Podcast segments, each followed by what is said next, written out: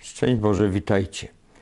E, Zapraszam na kolejny odcinek naszego spacerku z katechizmem Kościoła katolickiego, gdzie sobie wszyscy przypominamy, czego tak naprawdę nas uczy Kościół katolicki. I dzisiaj bardzo trudne pytania, pytania, które w zasadzie są związane no, z jedynym argumentem przeciwko istnieniu Boga.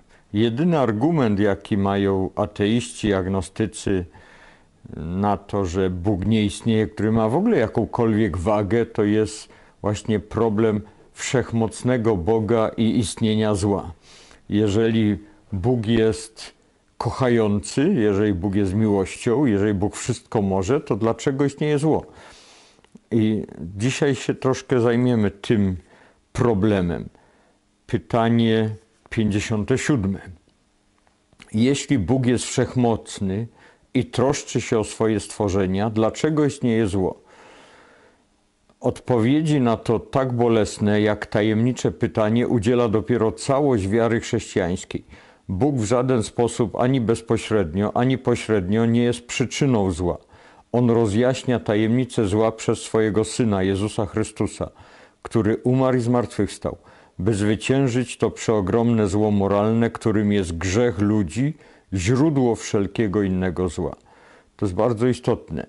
Grzech ludzi jest źródłem wszelkiego innego zła. I od razu przeczytam następne pytanie, bo jest y, powiązane z tamtym i potem sobie troszkę porozmawiamy na ten temat. 58. Dlaczego Bóg dopuszcza zło? Wiara daje nam pewność, że Bóg nie dopuściłby zła, gdyby jednocześnie nie potrafił wyprowadzić z niego dobra. Dokonał tego w sposób cudowny w związku ze śmiercią i zmartwychwstaniem Chrystusa. Z największego zła moralnego, jakim było odrzucenie i zabicie Syna Bożego, Bóg wyprowadził największe dobro uwielbienie Chrystusa i nasze odkupienie. I to jest w zasadzie wszystko, co wiemy katechizm nas uczy, to jest bardzo ważne zdanie, e, by przeogromne zło moralne, którym jest grzech ludzi, źródło wszelkiego innego zła.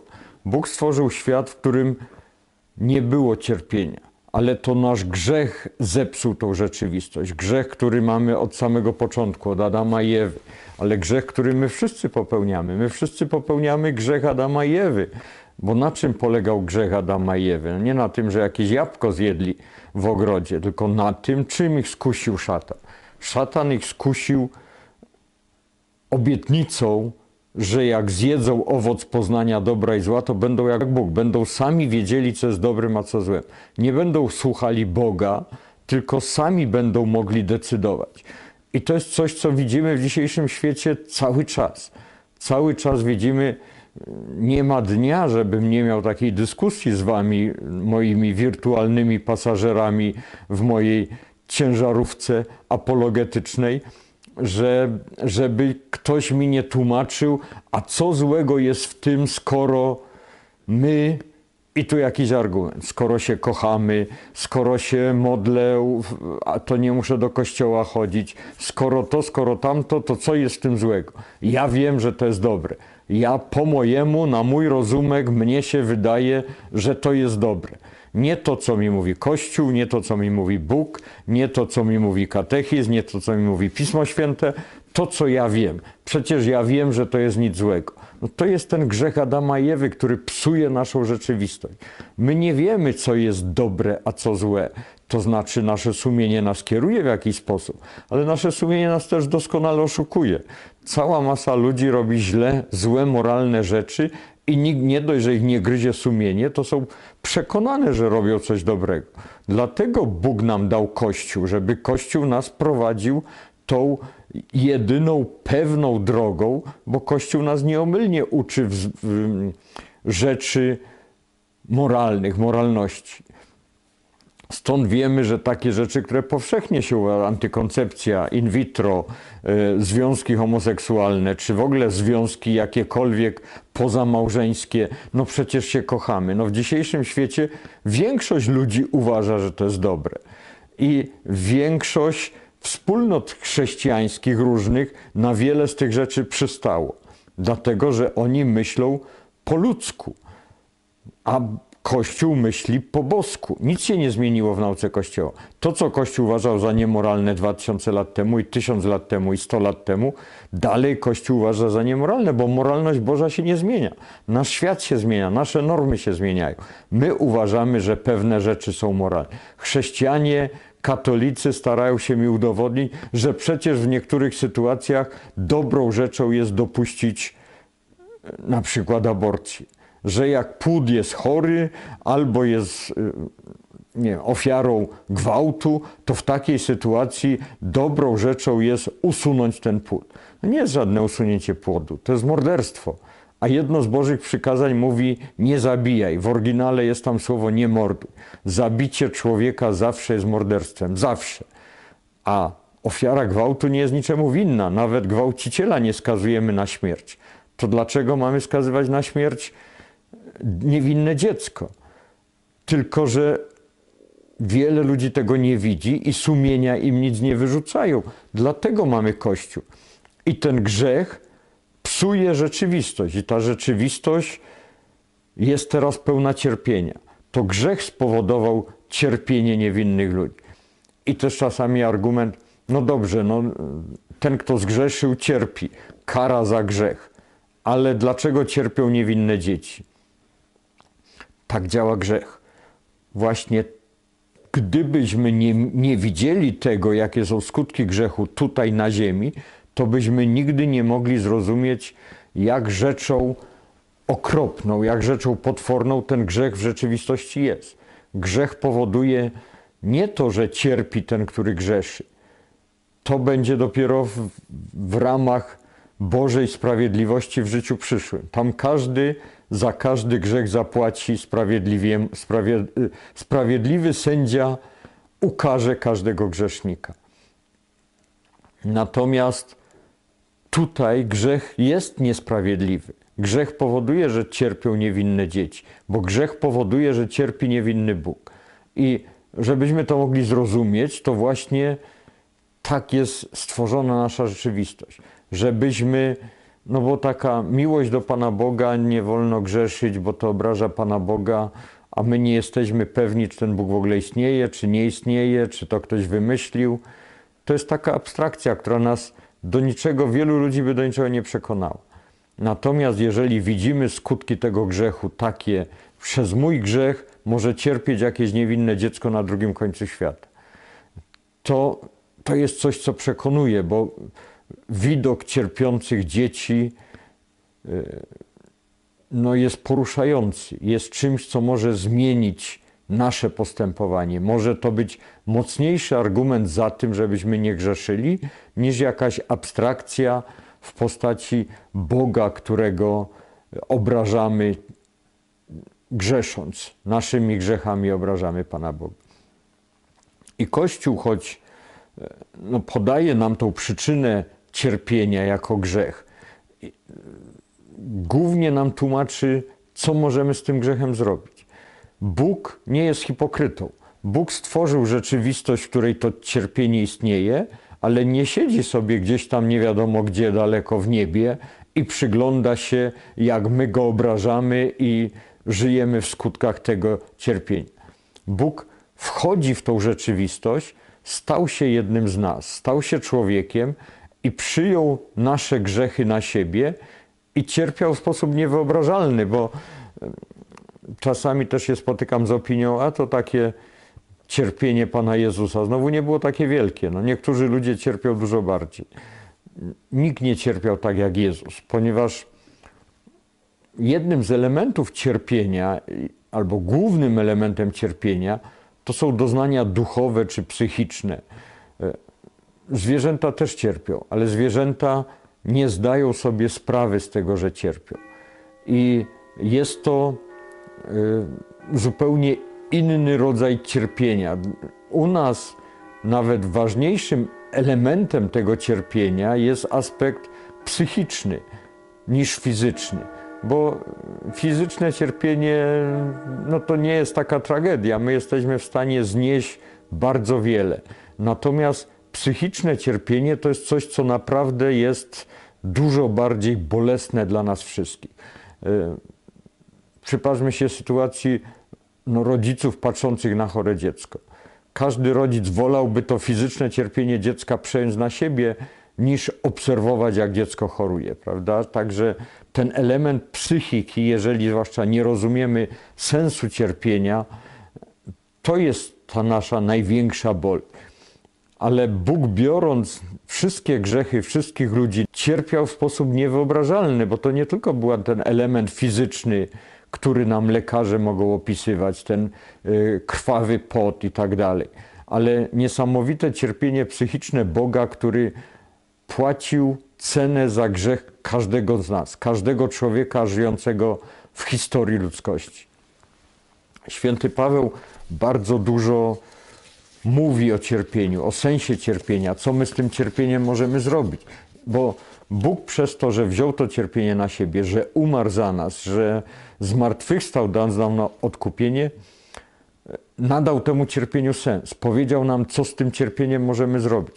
I święty Paweł bardzo dużo pisze na ten temat w Piśmie Świętym. E, Tutaj mam wydrukowane fragmenty listu świętego Jana Pawła II Salvi, Salvifici Doloris. To jest list apostolski na temat cierpienia. Święty Paweł co roku pisał list do chorób, y, do osób chorych. Ustanowił dzień chorego. Linki i do tego listu, i do tamtych będzie zamieszczę tutaj pod, pod moim filmem, także zachęcam do przeczytania.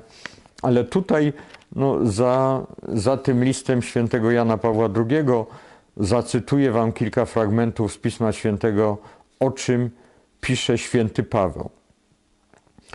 Między innymi nosimy nieustannie w ciele naszym konanie Jezusa, aby życie Jezusa objawiło się w naszym ciele. Ciągle bowiem jesteśmy wydawani na śmierć z powodu Jezusa, aby życie Jezusa objawiło się w naszym śmiertelnym ciele. Przekonani, że ten, który skrzesił Jezusa, z Jezusem przywróci życie także nam. Więc to łączenie się z cierpieniem Chrystusa to jest nieodłączny element chrześcijańskiego życia.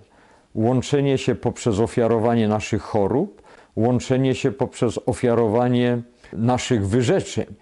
Fatima, pamiętamy, Matka Boża w Fatimie prosiła dzieci, żeby ofiarowały cierpienia, choroby, które na te dzieci przyszły, ale też dobrowolne wyrzeczenia, posty, Dzieci nie jadły, dzieci nie piły, dzieci się obwiązywały szorstkimi powrozami, żeby ofiarując swoje cierpienie dla zbawienia grzeszników, których w ogóle nie znały, po prostu dla dobra Kościoła. Do czego tu jeszcze dojdziemy w tym liście? Ale święty Paweł pisze w innym miejscu: Jak bowiem obfitują w nas cierpienia Chrystusa, tak też wielkiej doznajemy przez Chrystusa pociechy. I dalej. A zatem proszę Was, bracia, przez miłosierdzie Boże, abyście dali ciała swoje na ofiarę żywą, świętą, Bogu przyjemną, jako wyraz Waszej rozumnej służby Bożej. Święty Paweł nas prosi, żebyśmy ofiarowali nasze ciała, bo to jest Bogu przyjemna, rozumna służba Boża. Dalej pisze: Razem z Chrystusem jestem przybity do krzyża. Teraz zaś już nie ja żyję, lecz żyje we mnie Chrystus. Choć nadal prowadzę życie w ciele, jednak obecnie moje życie jest życiem wiary w Syna Bożego, który umiłował mnie i samego siebie wydał za mnie. Kolejny cytat, jaki tu chciałem Wam pokazać, to jest A propos sprawiedliwości Bożej. No ale to, co Bóg jest niesprawiedliwy, że daje niewinnym dzieciom przez nasz grzech, to cierpienie spotyka niewinne dzieci. Dzieci mają to do siebie, że dzieci wszystko rozumieją, bo dzieci przyjmują rzeczy, które się im powie z wiarą. I Bóg nas uczy, że my powinniśmy mieć wiarę jak dzieci. Jeżeli dziecku coś powiemy, na przykład, jeżeli dziecko jest chore i temu dziecku wytłumaczymy wartość cierpienia, to dziecko to przyjmie i zaakceptuje, pokocha, ogarnie. I to my, dorośli, mamy problemy ze zrozumieniem takiej wiary. My, dorośli, się buntujemy, my, dorośli, wiemy lepiej. Dziecko chłonie wszystko jak gąbka wodę. I jeżeli dziecku wytłumaczymy, że to cierpienie to jest coś, co możemy ofiarować Panu Bogu, a nagrodę za to otrzymamy wielką w niebie, to dziecko to zaakceptuje. Tylko ktoś powie, a co będziemy kłamać dziecku? Nie będziemy kłamać dziecku, bo to jest prawda i tego nas uczy święty Paweł. Uczy nas tego wprost i bardzo wyraźnie, że te drobne cierpienia, jakie tu mamy, nie mają się nijak do ogromu radości, jaką za to otrzymamy w wieczności. W liście do Rzymian święty Paweł pisze: Skoro wspólnie z nim cierpimy, to po to, by też wspólnie z nim mieć udział w chwale. Sądzę bowiem, że cierpień teraźniejszych nie można stawiać na równi z chwałą, która ma się w nas objawić. Święty Paweł pisze pod natchnieniem Ducha Świętego. Cierpień teraźniejszych nie można stawiać na równi z chwałą, która ma się w nas objawić. W drugim zaś liście do Koryntian czytamy: Niewielkie bowiem utrapienia naszego obecnego czasu gotują bezmiar chwały przyszłego wieku dla nas, którzy się wpatrujemy nie w to, co widzialne, lecz w to, co niewidzialne. Niewielkie utrapienia obecnego czasu gotują bezmiar chwały przyszłego wieku to, te niewielkie utrapienia, to mówi święty Paweł, który był biczowany, kilkakrotnie był biczowany, był w więzieniu, był rozbitkiem na morzu, miał jakieś własne cierpienie, o które prosił Pana Boga, żeby zabrał od niego ten oścień i którego, który Bóg mu zostawił, mówiąc, że, e, że jest mu to potrzebne. I to wszystko święty Paweł nazywa niewielkim, no bo niewielkie w porównaniu do tej wielkiej chwały, które otrzymamy w przyszłości. Apostoł Piotr wypowie tę prawdę w następujących słowach swego listu. Cieszcie się, im bardziej jesteście uczestnikami cierpień Chrystusowych, abyście się cieszyli i radowali przy objawieniu Jego chwały. Jan Paweł II pisze dalej, jednakże doświadczenia apostoła, uczestnika cierpień Chrystusowych idą jeszcze dalej. W liście do Kolosan czytamy te słowa, które stanowią jakby ostatni etap duchowego itinerarium w związku z cierpieniem świętej Paweł pisze. Teraz raduję się w cierpieniach za was i ze swej strony w moim ciele dopełniam braki udręk Chrystusa dla dobra Jego ciała, którym jest Kościół. Tak napisał Paweł Apostoł, który w innym liście zapytuje swych adresatów. Czy nie wiecie, że ciała wasze są członkami Chrystusa? Niesamowite słowa dopełnia braki udręk Chrystusa dla dobra Jego ciała, którym jest Kościół. Czy to znaczy, że Pan Jezus za mało cierpiał na krzyżu? Czy to znaczy, że czegoś tam brakło? No, Jan Paweł II pisze tu dalej, odpowiada na to pytanie. Czy to znaczy, że odkupienie dokonane przez Chrystusa jest niepełne? Nie. To znaczy tylko, że odkupienie dokonane mocą zadośćczyniącej miłości jest stale otwarte na każdą miłość, która wyraża się w ludzkim cierpieniu. W tym wymiarze, wymiarze miłości, odkupienie stale się niejako od nowa dokonuje. Chrystus dokonał odkupienia bez reszty i do końca, równocześnie zaś go nie zamknął. W tym odkupieńczym cierpieniu, poprzez które dokonało się odkupienie świata, Chrystus otwarł się od początku i stale się otwiera na każde ludzkie cierpienie. Owszem, to zdaje się należeć do samej istoty odkupieńczego cierpienia Chrystusa, że pragnie ono stale być dopełniane.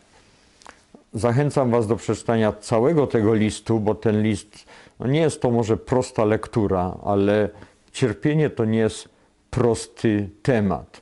Żebyśmy pamiętali, że nasz grzech nie ma czegoś takiego jak indywidualny grzech, nie ma czegoś takiego jak mój grzech, który nie ma żadnych skutków. Każdy grzech ma skutki globalne. Więc nie grzeszmy, bo nie tylko obrażamy Boga, ale psujemy rzeczywistość poprzez, poprzez nasz grzech.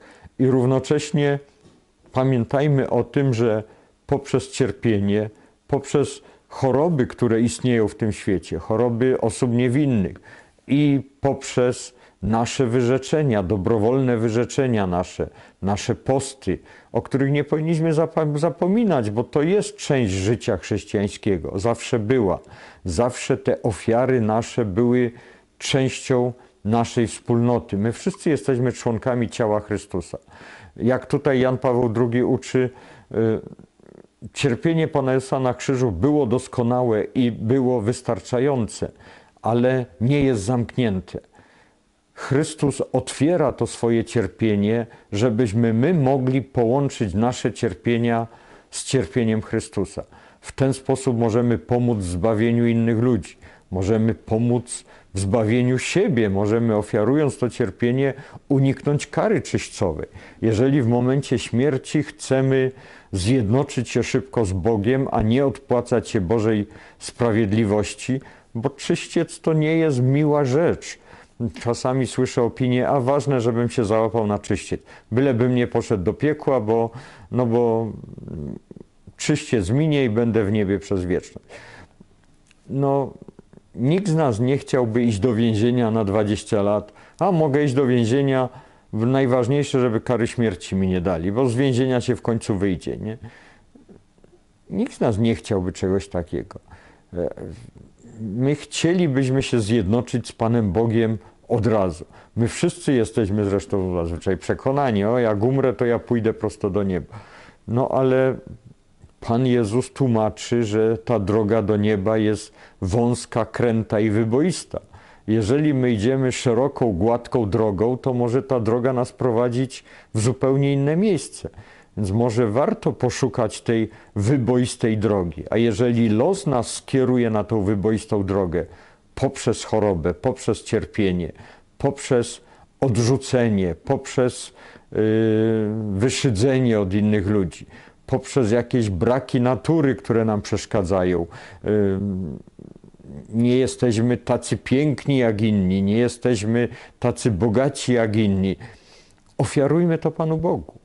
My będziemy wszyscy kiedyś młodzi, piękni i bogaci w niebie, ale tutaj możemy te wszystkie nasze niedogodności, te wszystkie nasze cierpienia, y, patrząc na przykład świętego Pawła i świętego Piotra i, i Jana Pawła II, który pięknie swoim życiem nam pokazywał drogę cierpiącego człowieka, drogę człowieka, który się zjednoczył z cierpieniem Chrystusa. Możemy ich naśladować i możemy razem podążać tą drogą wyboistą, która prowadzi do zbawienia, do naszego zbawienia, do zjednoczenia z Panem Bogiem. I równocześnie możemy pomóc Kościołowi, możemy pomóc innym w zbawieniu. Także ja wiem, że to, co powiedziałem, nie jest łatwe. I ja wiem, że to, co powiedziałem, może być trudne do zaakceptowania dla wielu osób, ale tego nas uczy Kościół i, i to jest prawda. Tego nas uczy Pismo Święte. To nam mówi święty Paweł i święty Piotr. Więc y, warto tą naukę zaakceptować i nawet jeżeli wolelibyśmy, żeby tak nie było, no to tak jest i, i dlatego lepiej zaakceptować ten fakt, że może to ma sens, że to jest jakieś dobro, albo inaczej, że z tego cierpienia, które jest złem, możemy osiągnąć dużo większe dobro bo Bóg nie dopuściłby żadnego zła, gdyby nie był w stanie z tego wyprowadzić dużo większego dobra. I dlatego warto pamiętać y, słowa świętego Pawła, który y, napisał, że cierpień teraźniejszych nie można stawiać na równi z chwałą, która ma się w nas objawić. I że niewielkie bowiem utrapienia nasze obecnego czasu gotują bezmiar chwały przyszłego wieku dla nas, którzy się wpatrujemy nie w to, co widzialne, lecz w to, co niewidzialne. I jak powiedział święty Piotr, cieszmy się im bardziej jesteśmy uczestnikami cierpień Chrystusowych, abyśmy się cieszyli i radowali przy objawieniu Jego chwały. Dziękuję bardzo. To dzisiaj na tyle, tyle na dzisiaj, to chciałem powiedzieć. A od przyszłego tygodnia zaczynamy kolejny podrozdział pod tytułem niebo i ziemia. Dziękuję bardzo, pozdrawiam z Panem Bogiem.